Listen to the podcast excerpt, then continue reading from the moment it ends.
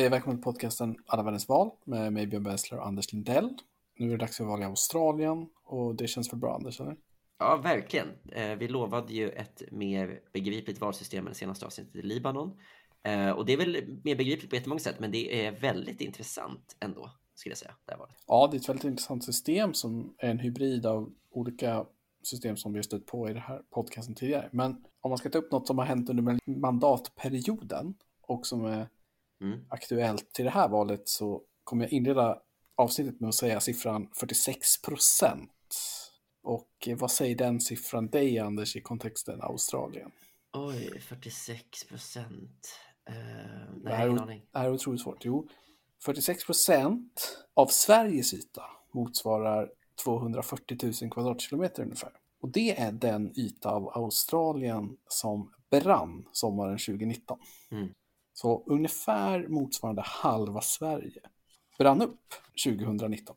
Och jag menar, det är ju bara att tänka själv, vad hade vi gjort i Sverige om halva Sverige brann? Nu brann ju då inte halva Australien såklart, men det är en otrolig händelse Mm. som ju har överskuggats såklart av allt som har hänt sedan dess med covid-19 och nu senast krig i Ukraina och sådär. Men det är svårt ändå för mig att tänka bort hur man själv tänkte eh, under 2019 när de här nyheterna i Australien var och då tänkte man shit det här är ju liksom otroligt. Kommer det hända något större? Ja, det blev mycket större nyheter. Men vi kommer komma tillbaka till det här är ju lite att jo, men de här bränderna spelar visst roll för politiken i Australien nu. Och det kan till och med vara så att de fäller avgörandet för vem som kommer ha regeringsmakten. Mm. Men eh, det kommer vi tillbaka till strax, för jag tänkte att du skulle dra, ja, vad är det här för system egentligen? Och vad är det för val? Ja, det är ju som du sa ett blandsystem, eh, Australien. Så att man var ju en eh, brittisk koloni och en del av liksom det, kungariket. Det är alltid The svårt. Commonwealth, Ja, som exakt. säga. Och blev självständigt 1901 och då eh, kopierade man sitt liksom gamla eh, hemmasystem men sen har man liksom löpande ändrat det här systemet. Så att känner man till brittisk politik så känner man igen jättemånga av begreppen och jättemycket av dynamiken men man eh, kommer liksom eh, bli förvirrad ibland. Men precis som i Storbritannien så har man ett underhus och ett överhus. Det är 151 platser i underhuset och det är de som väljs i det här valet nu på eh, lördag den 21 maj. Och de väljs precis som också som i Storbritannien i enmansvalkretsar. Så att så långt så är allting likt det brittiska systemet. Däremot så har man inte fyraåriga mandatperioder utan man har treåriga mandatperioder. Så bara där har man lite skillnad. Men den stora skillnaden har man i det eh, australiska överhuset, eller senaten. För det är mycket mer likt USA kan man säga. Alltså det är ett, det är ett överhus som också väljs och som också har mycket större roll i eh, liksom, den dagliga politiken i Australien än vad överhuset har i Storbritannien. Och det som också gör att det får en stor roll är att överhuset väljs på ett annat sätt. Det är mycket mer proportionerliga val. Medan underhuset får man ofta en tydlig majoritet för något håll som kan bli en regering. Så får man sällan en tydlig majoritet i överhuset. Ja, det är så om, omvänt här för mig, tycker jag, att, att det är enklare att komma in i överhuset för små partier. Ja. Det brukar vara tvärtom. Mm, nej, precis. Det är en stor skillnad och det gör ju då, det, det påverkar ju politiken mycket. Eh, sen så har man ju också inte, det är inte ett presidentiellt system utan man har ju fortfarande Elisabeth II som formell statschef eh, och precis som i Kanada och något annat land i gamla Commonwealth vi varit inne i så är det ju att man har en gen, generalguvernör som egentligen gör allt som liksom drottningen Eh, har makten att göra i landet, till exempel då utse premiärminister. Och det som är lite kul tycker jag, en liten detalj, att det här systemet följer med på delstatsnivå. Så att det som heter guvernör i Australien, man har ju sex delstater, det är inte motsvarande det som är guvernör i typ USA, utan eh, det är motsvarande liksom generalguvernören, alltså lite som drottningens sändebud i varje delstat. Eh, och sen har man en state premier, alltså en premiärminister i varje delstat också. Man kan säga att de här sex delstaterna som Australien då utgör är att de alla har 12 platser, eller hur, i senaten. Ja, precis. Och sen är det två platser per de här territorierna. Ja, och då är väl att det ena territoriet är ett väldigt liksom, glesbefolkat område i, som heter The Northern Territories och det andra är det som är dels, alltså där huvudstaden ligger, Canberra, så har som en liten enklav som är då ett territorium bara. Eh, Och man väljer hälften av platserna från delstaterna och alla platser från territorierna det här valet, eh, alltså vart tredje år, så sitter de på sex år. Eh, Och det gör att det väljs 40 av 76 då blir. Så man väljer alltid lite mer än hälften. Men eh, det där är ju också lite, det där kan eh, variera. Man kan välja alla samtidigt och ha gjort. Ja, och precis. Ibland väljer man bara omval till hälften och sådär. Så att ibland är de här i synk, ibland inte. Precis, och det handlar om ifall de... Eh, men naturligt är att de ska, de ska sitta i sex år, men om man upplöser parlamentet, vilket har hänt några gånger, då börjar man om på ny kula. Liksom. Så att eh, där är liksom allt, så att man kan förstå det lite som ett, ett lite blandat system mellan eh, England och eh, USA helt enkelt. Men sen så har man ju en väldigt rolig detalj tycker jag, som är själva hur själva valet förrättas. Därför att det finns ju en del tydliga nackdelar som brukar lyftas fram med sådana här system, som är att det blir liksom tvåpartisystem. Om det bara om du liksom har två stora partier och bara den som får 50% får en plats, då eh, är det ju väldigt svårt att starta ett nytt parti och det gör ju att det kan bli ett stelt system. Och det har man försökt lösa i Australien eh, och det gjorde man jätte. Det här är liksom inget nytt påfund, men väldigt, väldigt tidigt, redan på 20-talet, så införde man ett så kallat preferensvalssystem som också ibland kallas så, australisk valsedel. Alltså det är liksom en, det är en liten grej som de har. Ja, det är ett begrepp alltså. Ja, på det engelska begreppet är instant run-off voting. Och det eh, handlar alltså, som det engelska namnet antyder, att du har ett liksom, omval inbakat i varje enskild valsedel. Så att istället för att rösta på en kandidat i enmansvalkretsen så måste du rangordna alla kandidater. Så att det är åtta kandidater som kandiderar till eh, en stol då. Då måste vi rangordna alla åtta. Och om en kandidat får 50% av alla ettor, då blir den vald. Så då, är det, då påminner det precis som i alla eh, system. Och så är det också, ska man också säga direkt, att de allra flesta val så är det den med flest ettor som vinner. Eh, men det man har gjort för att liksom eh, möjliggöra att andra partier också kandiderar och att det inte blir en utlåsningseffekt av det här lite tröga valsystemet, det är att om ingen får majoritet på förstahandsrösterna, då plockar man bort den som har fått minst antal förstahandsröster och så räknar man den personens, alltså de förstahandsrösternas tvåor och lägger på dem på de andra. Så att man sållar hela tiden bort den liksom sämsta kandidaten tills någon har fått ettor. Och det gör till exempel att om du har ett, ett, parti som ligger trea och så vågar man inte rösta på det för att man egentligen vill rösta på liksom det näst största partiet.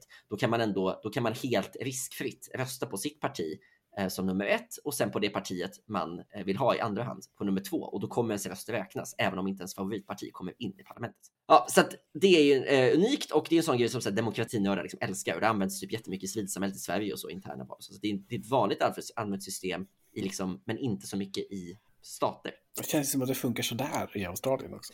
Ja, det funkar ju inte så bra eh, om, man, om man tänker sig att målet är att du ska få in fler partier. Eh, men däremot så kanske det funkar bra för att det blir inte en ventil. Det gör att det dyker upp nya partier. Eh, och i senaten då så blir det lite mer speciellt därför att därför röst, kan man välja antingen att rangordna alla kandidater eller så kan man rangordna bara partierna. För där blir det då som, ett, som sagt ett mer proportionellt val de här 12 platserna från varje. Eh, det som är lite kul med till exempel att man om man ska fråga någon vad de röstar på eh, så är det liksom enklare att förstå ungefär vad de tycker genom att säga vem kommer sätta sist än vem kommer sätta först. För den som sätter sist det är ofta något av de två stora partierna. Um, som man då inte vill. Negative partisanship som man brukar säga. Uh, jag läste också att premiärministern måste sitta man måste sitta i parlamentet för att kunna bli premiärminister. Och det är också vanligt inom Westminster-systemet. Eller att man inom tre månader måste sitta i parlamentet. Så man kan typ vinna en by-election om man har blivit premiärminister först. Eh, man har haft lite undantag läste jag. Min bild av Australiens politiska historia det är ganska mycket undantag. Ja, verkligen. Vill du ta partierna i den politiska historien? Kanske? Ja, eller man kan ta lite kort bara, men man kan ju säga att de domineras ju av eh, två partier. Mm. Eh, och det känns ju också igen från UK på så sätt att det finns ett, ett hög, vänsterparti och ett högerparti. Och ja. Vänsterpartiet heter Labour här. Och eh, högerpartiet heter eh, The Coalition. Men man kan säga så att den relevanta politiska historien som du redan sagt börjar 1901 och 1931 blir man väl mer eller mindre vi idag skulle kalla helt självständiga, även fast man som du redan säger har kvar monarken och man folkomröstade ju faktiskt om brittisk kungahuset 1999, men då röstade 55 procent till att behålla nuvarande system i australiensisk historia så finns det ju, det andra världskriget har en otroligt stark bild i liksom det nationella eposet där man bombades av Japan och deltog aktivt i kriget. Men för den demokratiska historien så är det kanske mer intressant att man har ju en ganska mörk, med dagens mått mätt, relation till eh, den koloniala med ursprungsbefolkningen. Ja. Först 1967 så modifieras eh, konstitutionen på ett sätt där uppenbart rasistiska formuleringar stryks. Mm. Och eh, det här görs först i parlamentet och sen i en så här rådgivande folkomröstning också. Där man liksom tar bort och skriver en lite mer clean konstitution. Men det innebär ju inte att alla problem med aboriginerna och deras rättigheter och så vidare är lösta, utan det är ju en process som pågick väldigt länge och det var inte alls många år sedan som en premiärminister offentligt och bad om ursäkt och Australiens vägnar för de många väldigt stora övergrepp. Man höll ju på oerhört mycket med ja, rasbiologi och andra grejer. Liksom. Det är hemskt liksom. Och där har man en, en historia som är mörk. Som man ju då liksom formellt eh, gjorde Alltså de blev lika inför lagen kan man väl säga först 1967. Sen 1973 så avslutar man också ett, ett annat härligt arv som är The White Australia Policy. Och det betyder att man liksom öppnade upp för immigration till Australien som inte var europeisk. Just det, så det har man bara tillåtet i, i 50 eh, år ungefär. Ja, men då har man också fått in ganska mycket immigration mer från närområdet som man liksom har transformerat hur Australien funkar. Så det är rätt intressant. Sen hade man en liksom ganska stökig konstitutionell kris 1975 där liksom de här förhållandet mellan de här två, eh, vad kan man säga, under och överhuset som var lite oklart kom till sin spets. Och eh, jag läste på om det, jag tyckte det inte var så jävla intressant. Helt enkelt så här kan man säga ganska snabbt att Labour kom till makten för första gången på 23 år och eh, lyckades liksom inte konstalisera det så bra. Och eh, man liksom två dubbelupplösningar av parlamentet, det vill säga när både under och hela överhuset väljs om, och ett joint sitting. När det finns en konflikt mellan parlamenten som inte går att lösa så kan man ibland sätta sig ihop i ett stort parlament och rösta senare. Och det har bara hänt en gång och det var i samband med det här. Så tappade man makten igen, eh, eh, mm. tillbaka till koalitionen. Och det var lite speciellt, men sen bara rullade man vidare. Det verkar inte få några konsekvenser för det okonstitutionella eller det tveksamma var att generalguvernören avsatte sittande premiärminister, utsåg oppositionens ledare till premiärminister och sen hade en dubbelupplösning av eh, parlamentet istället för som då den sittande premiärministern ville, bara omvald till underhuset, eller till halva överhuset. Så det är lite intressant. Men det, det som jag fastnade mest för med australiensisk politisk historia var Harold Holt. Har du koll på han eller? Nej, du, du bad ju mig häromdagen specifikt inte läsa på om Harold Holt. Nej, det, det är, är väldigt nyfiken. Det är svinkonstigt. Jo, för Harold Holt han var premiärminister för Australien då, 1967. Mm. Och han drar då ut eh, till sommarhuset för, eh, i december, för december är ju då sommar i Australien som alla, alla vet. Mm. Eh, det är tvärtom där nere. Han drar ut till sommarhuset, drar ut och simmar och är aldrig sedd igen. Mm. Utan han helt enkelt försvinner och antas död i vågorna. Och det är ju lite speciellt, jag har aldrig talat om tidigare att, att liksom en, en sittande regeringschef bara försvinner. Just i en inte mördas utan bara Nej, aldrig bara ses igen. Mm. Bara aldrig ses igen. Han var då liksom en sån här simentusiast såklart och höll på med harpuner och grejer. Det finns mycket skrivet om det här och det finns mycket konspirationsteorier och så. Och han vägrade då också ha livvakt för att det skulle skapa splittring mellan folket medan hans fru var mer inne på att det skulle vara svårt att dölja hans otrohetsaffärer med livvakt. vad, var, vad var han för, eh, vilket parti till det? Eh, ja men det var ju eh, The National Liberal Coalition. Just det. Mm. Men eh, jag tyckte det var oerhört fascinerande, jag har aldrig pratat om det tidigare eh, innan, som att, att det, liksom, det är liksom ja men tänk Sverige nu att Magdalena Andersson liksom går på en simtur, vi hittas aldrig igen. Kroppen hittades aldrig, ingenting. Ja, ja probably, men och det var liksom otroligt medieutbåd såklart över det här och ett sökinsatser och allt möjligt och de hade ju liksom ingen så här konstitutionell praktisk risk för hur det skulle gå till och ja, men det var stökigt. Ja. Och, eh, eh, och det kan man tycka är lite konstigt att det, efter så här så finns det ändå ett, för han var ju som en simentusiast men han dog ju ändå när han simmade, men det finns ett Harold Holt Memorial Swimming Center. Mm. Jag tycker det är lite så här. Lite makabert. lite makabert. eh, så det är Harold Holt då. Det var mm. ändå ett unikum i demokratisk eh, historia med premiärminister som, som dör på en simtur. Men annars är det ju systemet är ju ganska stabilt sedan dess och det präglas ju som sagt av två väldigt stora partier. Ska vi gå in på dem eller? Mm. Eh, och vi kan ju börja då med eh, Labour och, och, som ju är enkelt gjort därför att de har ju eh, liksom haft makten många gånger, men nu är det länge sedan. Och eftersom det är eh, treåriga mandatperioder här så är det nio år sedan de senast förlorade och har väl haft Alltså min, min enda bild av eh, australisk politik från utsidan har varit att liksom, det är att Labour, liksom, lite som i Storbritannien, lyckas förlora om och om igen. Ja. Man lyckas förlora mot typ ganska impopulära konservativa premiärministrar hela, hela tiden på grund av ja, men... typ internt stök och sådär. Precis som i Storbritannien så är Labour inte det statsbärande partiet. Nej, eh, och man hade ju eh, en, ett, man kanske känner igen Julia Gillard som ju var den första kvinnliga premiärministern och hon blev ju liksom Eh, hade ju väldigt svårt att leda partiet för att liksom, hennes företrädare eh, aldrig riktigt tillät det, utan till slut kom tillbaka och liksom petade henne igen. Eh, och det gjorde han med hjälp av en man som heter Anthony Albanese som då är eh, partiledare idag och som är 59 år och en riktig så partiveteran eh, och har skött det här partiet sedan den senaste valsförlusten 2019.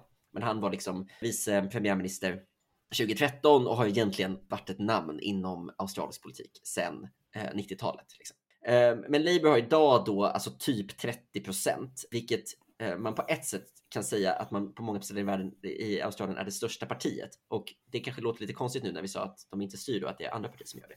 Men det är därför att the coalition som du nämnde, det är just en koalition. Det är liksom en, eh, vad ska man säga, det är som svenska alliansen, en koalition mellan liberaler och konservativa. Men den har liksom fungerat i hundra år och mer och mer blivit ett parti. Eh, det är inte bara så en uppgörelse mellan två partier, utan det är verkligen ett parti som fungerar. Eh, och om man typ går in, om man är jättenördig och går in och läser hur det går i olika val och så, då kommer man se att det finns massa olika närliggande namn på partier som också har några procent här och där. Eh, som heter kanske så Liberal National eller eh, Liberal National Party eh, eller så. Och det är för att på, i vissa delstater så har de liksom gått ihop som ett enskilt regionalt parti som heter det. Liksom. Men hela det paraplyet av konservativa och liberala partier eh, kallas då The Coalition eh, och har alltså ungefär 40 procent av rösterna i senaste valet, men 77 platser, vilket då det räcker. För man behöver 76 för att få eh, Ja, man kan ju säga att båda partierna är ju traditionellt 50 partier ungefär. Ja. Och att väldigt många val eh, liksom från 50, 60, 70-talet extremt jämna måste man säga. Ja. ja. Med liksom mellan 51 och 49 procent för båda de här grupperna. Så det var otroligt så här, det har verkligen varit jämnt, men ja. ofta som att eh, Labour liksom lyckas förlora. Jag tror att de har suttit en tredjedel av tiden i regering som mm. Liberal Party och det är ju ganska dåligt baserat på att min bild av historien verkar vara att de har ungefär lika stort väljarstöd.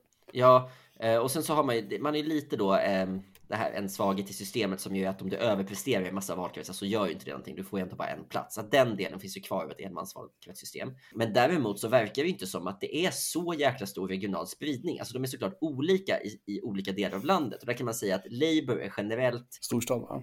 Ja, eh, precis. I, I Melbourne är man stora, som ju är en mer, vad ska man säga, progressiv stad än till exempel Sydney och Canberra. Fan, baserar du det här på egna, eget fältarbete eller? Nej, det är en, det är en skulle jag säga, vedertagen. Eh, och till exempel mycket, mycket, mycket större invandring till, som nämnde, till, eh, till Melbourne på många andra ställen. Eh, så där är man stora och sen så är vi ju stora bland i arbetarklassväljare så där har man ändå en, den slags koalitionen. Medan de liberala väljarna är stora i de andra storstäderna i liksom östra Australien som ju är mycket mer tättbefolkat än västra. Och de konservativa och Labour kanske snarare slåss i västra. Som du förstår, så att det, är Labour mot konservativa västra och Labour mot eh, Liberalerna i östra. Men sen är ju konservativa och liberaler i ett enda parti. Och som jag förstår också så är liksom att det som har blivit det här coalition, som man ändå ibland säger man liberals istället för att det är en så stor del av det. Det är ett mycket, mycket större parti. Det är lite svårt att räkna på, men det är typ så att 30 procent är eh, liberals och 4 procent är det här national party och att resten görs upp av sådär mindre regionala partier i deras koalition. Så att det är en väldigt stor del av det. Men att de har ju då också blivit mycket mer konservativa. Så att man ska inte förstå det som ett gäng folkpartister och ett gäng kristdemokrater, utan kanske snarare som att det är ett, vad vill, ja men säg Tories i, i Storbritannien, eller liksom det är ett stort, jättestort konservativt statsbärande parti, mer än vad det är liksom en särskilt liberal progressiv kraft. Liksom. Och sen kan vi väl nämna eh, det då tredje största partiet som ju är en intressant skola i hur valsystemet fungerar på. För det är ju det gröna partiet som ju är ganska starkt i Australien. Man kanske tänker sig att det är lite konservativt och stort kolberoende och så, men eh, de gröna eh, liksom får ungefär 10% i alla, fick typ 10% i alla delstater förra valet. Det är bra ju. Ja, men det då valsystemet gör ändå att de har bara en plats i underhuset. Men däremot så har de 9% av platserna i senaten så att man är liksom de är väldigt starka då i, i senaten jämfört med vad de är totalt. Så att det är ungefär, det är spelplanen. Eh, ett stort konservativt på typ 40, ett Labour på typ 35 och Greens på 10 ungefär opinionen. Om, om Greens av någon anledning skulle bli liksom swingrösten i parlamentet, är de på Labours sida då eller är de på den andra? Som jag har först- när jag har lyssnat så, så pratar man om det så ja, att det, att det ändå skulle kunna vara. Men eh, apropå det här med kol som är en väldigt stor fråga och liksom kolindustrin så är ju Labour väldigt, väldigt oroliga för att liksom säga någonting som kan uppröra deras eh, kolarbetande. Ja, men det påminner kanske lite om liksom. när vi pratar om Norge, liksom, den S i Norge är otroligt oljevänliga. Mm, mm, Här är man kolvänlig istället. För vi kan ju gå in på det lite snabbt att Australien har ju en ekonomi som är lite intressant. Jag tror många som lyssnar på det här har säkert koll på att Australien är ett ganska rikt land och det är det. Men de har en ekonomi som skiljer sig från mycket andra länder i västvärlden i att den är otroligt eh, naturresursberoende. Mm. Eh, Det var någon som skrev att eh, liksom, om man skulle bara titta på strukturen så påminner de mer om ett liksom utvecklingsland.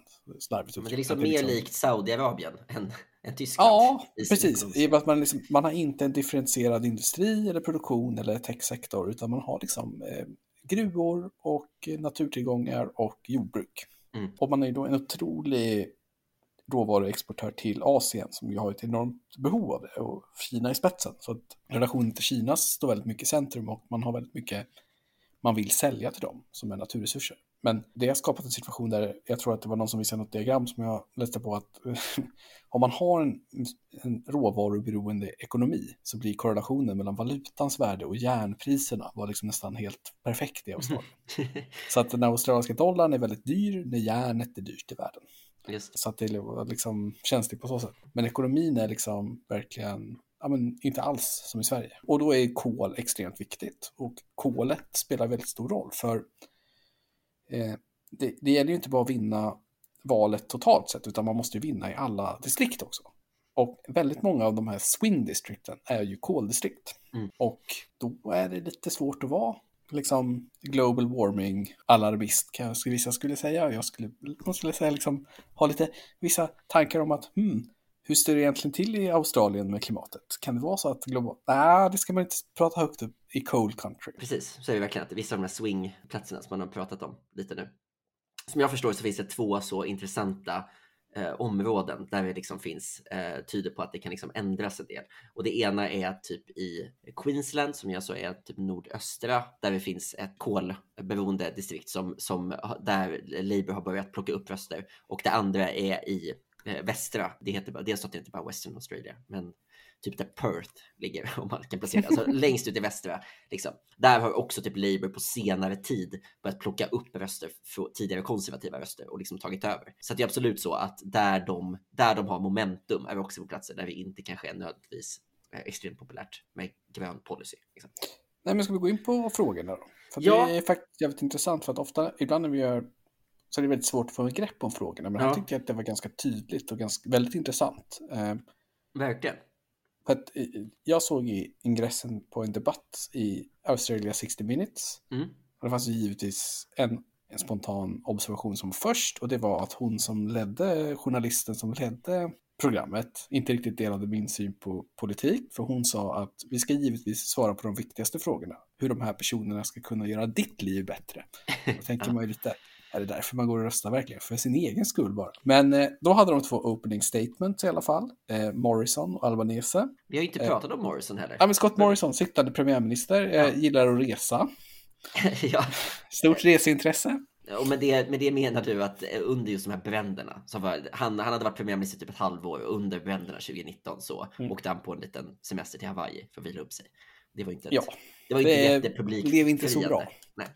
Han fick be om ursäkt. Eh, men vi kom in på nu, för att då var det liksom att Albanese och Morrison skulle göra en ingress. Och de är ju lite lika varandra. Den ena är 59, den andra är 54. Lite så här äldre vita dudes. Mm. Och det var lite som att se en debatt i valet 2006 i Sverige mellan Reinfeldt och Persson. Mm. Först börjar den ena, den pratar bara om jobb och liksom hur ska vi stärka ekonomin, få fler i arbete. Det var liksom eh, Morrison.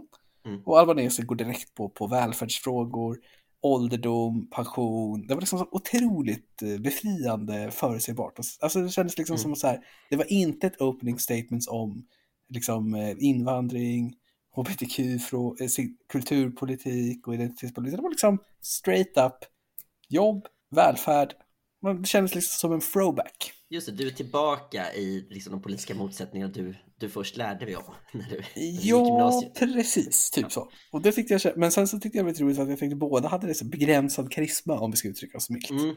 Framförallt herr Albanese som jag inte kände till överhuvudtaget innan det här. Men som jag, innan jag såg honom där så läste man ju på lite och jag, jag kände väl lite att den bild som man fick när man läste om honom om, om inte en riktig karisma så det stämde nog lite. Ja, och det är ju verkligen, personfrågan är ju enorm. Jag har lyssnat på en, en del ehm, liksom poddar om australisk politik och läst en del artiklar och liksom ett återkommande begrepp som återkommer som argument för Scott Morrison är liksom the devil you know. Alltså det är mer eller mindre, det är nästan som en informell valkampanj. Alltså att folk, eh, man säger så här, ja, ja, han är inte så charmig, men han kommer sköta ekonomin och det kommer vara tre stabila år och med den här Albanese så vet ni inte vad ni får. Typ. Så att det är liksom väldigt, väldigt lite positivt kampanjande för eh, Scott Morrison och man ser, det verkar som att The Coalition bara vill liksom putta dem över den absolut nödvändigaste tröskeln. Liksom. Men vad har vi mer för frågor då? Jag tyckte covid-frågan verkar inte vara så framträdande, eller? Nej, det är ju ändå Morrisons stora är ju att alltså Australien hade ett väldigt, väldigt hårt eh, nedslag på covid och hade ju lockdown-tid sådär och har klarat sig eh, på global nivå väldigt bra liksom. Så att, men just nu är det väl inte en fråga, även om det typ blommar upp en del fall. Men är det typ inte så att han var framgångsrik, men det var också typ i så Labour-styrda regioner var det också. Så att det ja, blir så här, precis. så politiserad Ex fråga. Exakt, en av anledningarna till att det går så bra i västra Australien är att, för Labour är att den eh, då eh, stats, state premiern man har där som är från, från Labour och hade också eh, som en egen, typ stängde ner Western Australia då mot typ övriga Australien, gjorde som en egen liten, vad ska man säga, ett eget covid lockdown relativt övriga landet. Liksom. Ehm, men, men däremot så är vi ju, det, det, det kommer ju upp en del, man har ju haft en stark ekonomi eh, de senaste åren, men det kommer ju upp så levnadskostnaderna som kommer upp kanske hela, hela världen. Och en av de tydligaste frågorna som har kommit upp nu och som är lite kul för att det är ett så jättetydligt förslag som kom bara tidigare här i veckan, det är bostadsfrågorna. Man har en ganska stor bostads, eh, bostadsfrågan är stor i typ hela landet, alltså både kostnader och liksom tillgängligheten. Och den är också, apropå det vi sa med höger-vänster, så är det lite kul därför att det Liberals då, eller Coalition, föreslår, det är en lösning där man ska kunna köpa hus genom att plocka ut från sin pensionsfond.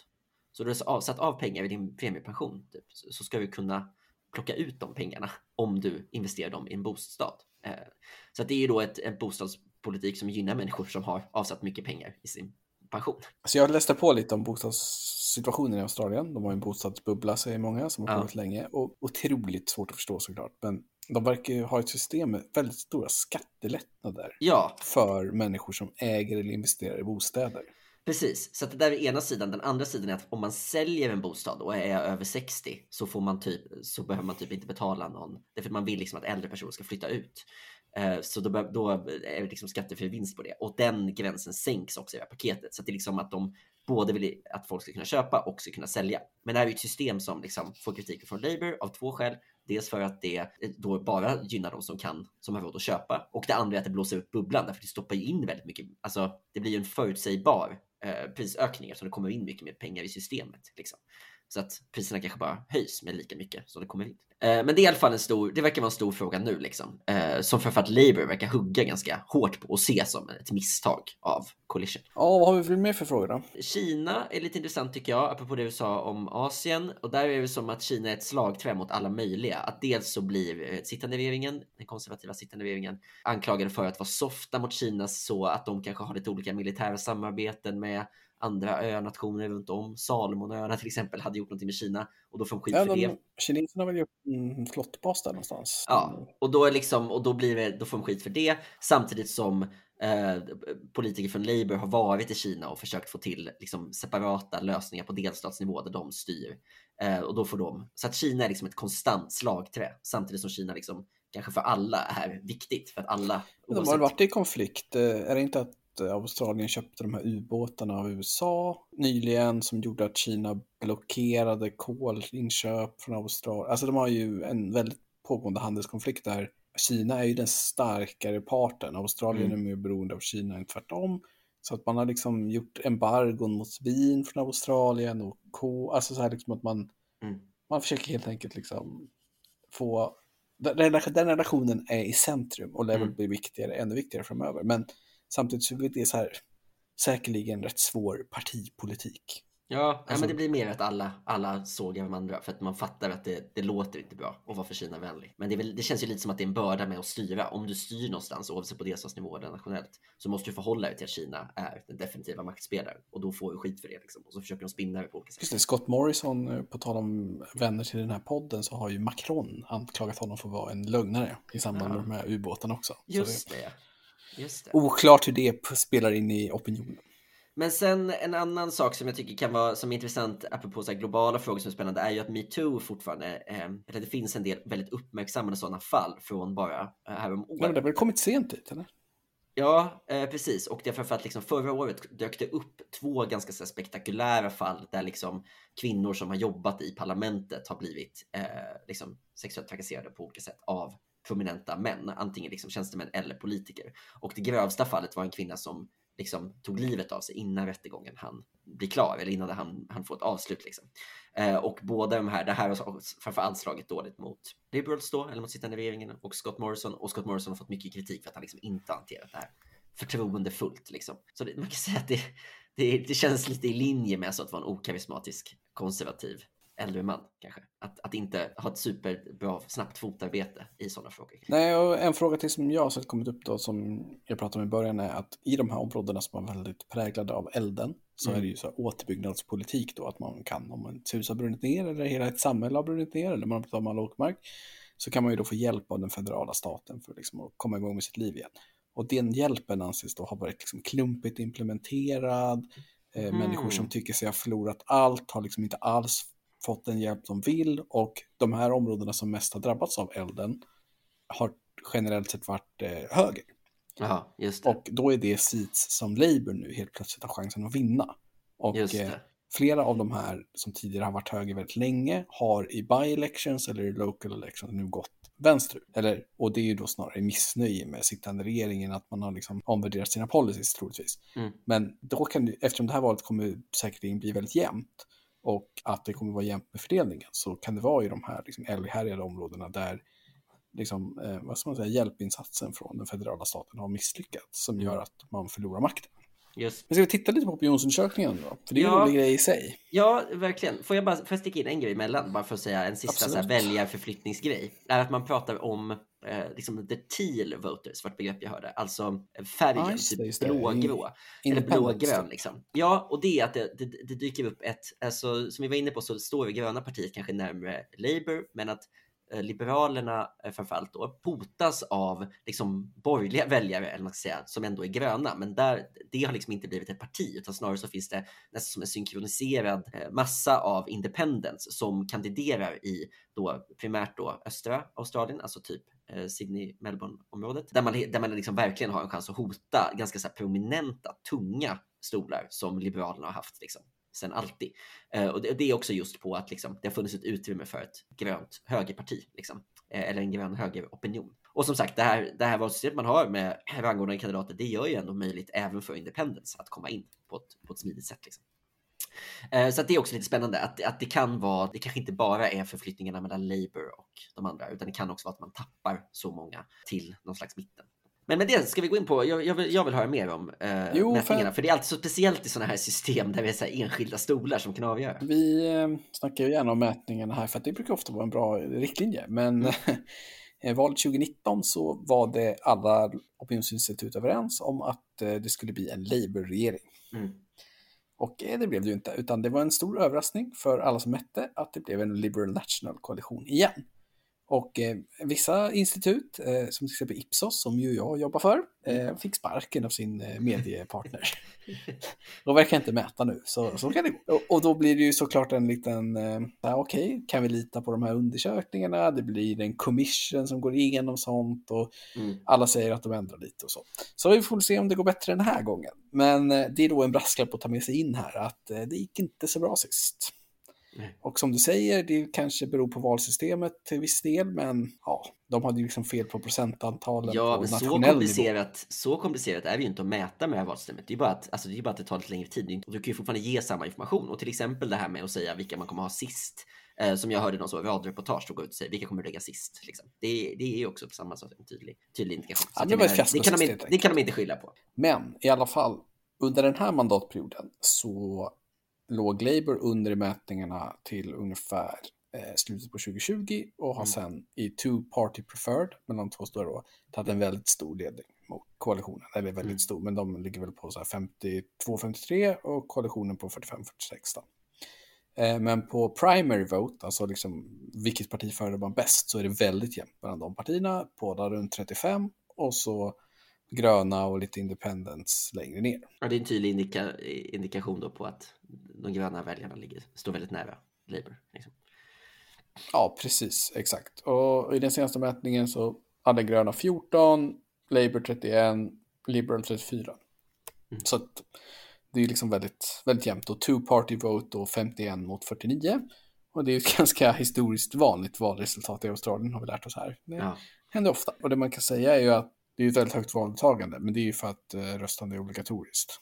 ja, precis. Man får böta typ eh, 1500 spänn, alltså typ som en parkeringsbot i Stockholm. Så det brukar vara typ 90% i turnout. Precis. Eh, det som är lite intressant är att, att, som du sa, att ursprungsbefolkningen registrerar sig och röstar är mycket, mycket lägre. Alltså det- förtroendet för systemet är fortfarande så lågt att man väljer att ta boten snarare än att rösta. Det kanske är det sättet man tycker att man tydligast kan uttrycka sin politiska åsikt. Ja, okej. Nej, men så det ser väldigt jämnt ut. Det är svårt att säga.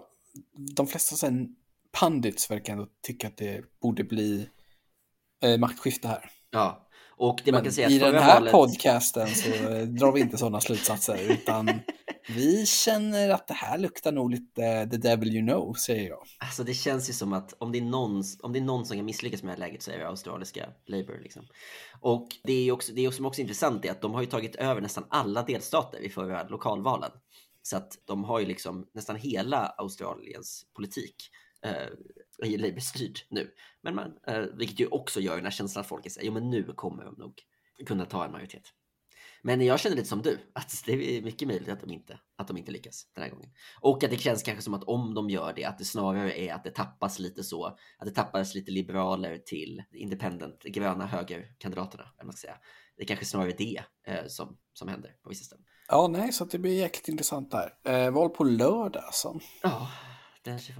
Och det blev väl bli, vill jag väl veta på söndag hur det gick då.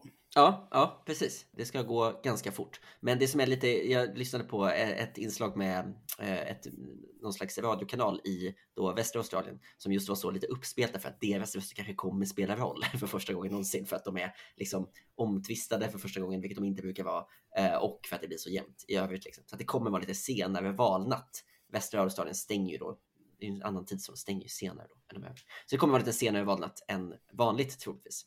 Eh, Men vi kommer veta söndag. Eh, vill du veta vart vi ska nästa gång Björn? Och jag vet att det är Colombia. Ja, det är, nu ska vi äntligen tillbaka till, jag känner att man har piggat upp mycket för det. Det är eh, presidentvalet då i Colombia som vi går in i. Ja, men det blir coolt. Det kommer också då om en vecka. Det är ett väldigt behagligt schema nu med ett val i veckan fram till sommarledighet. Strålande.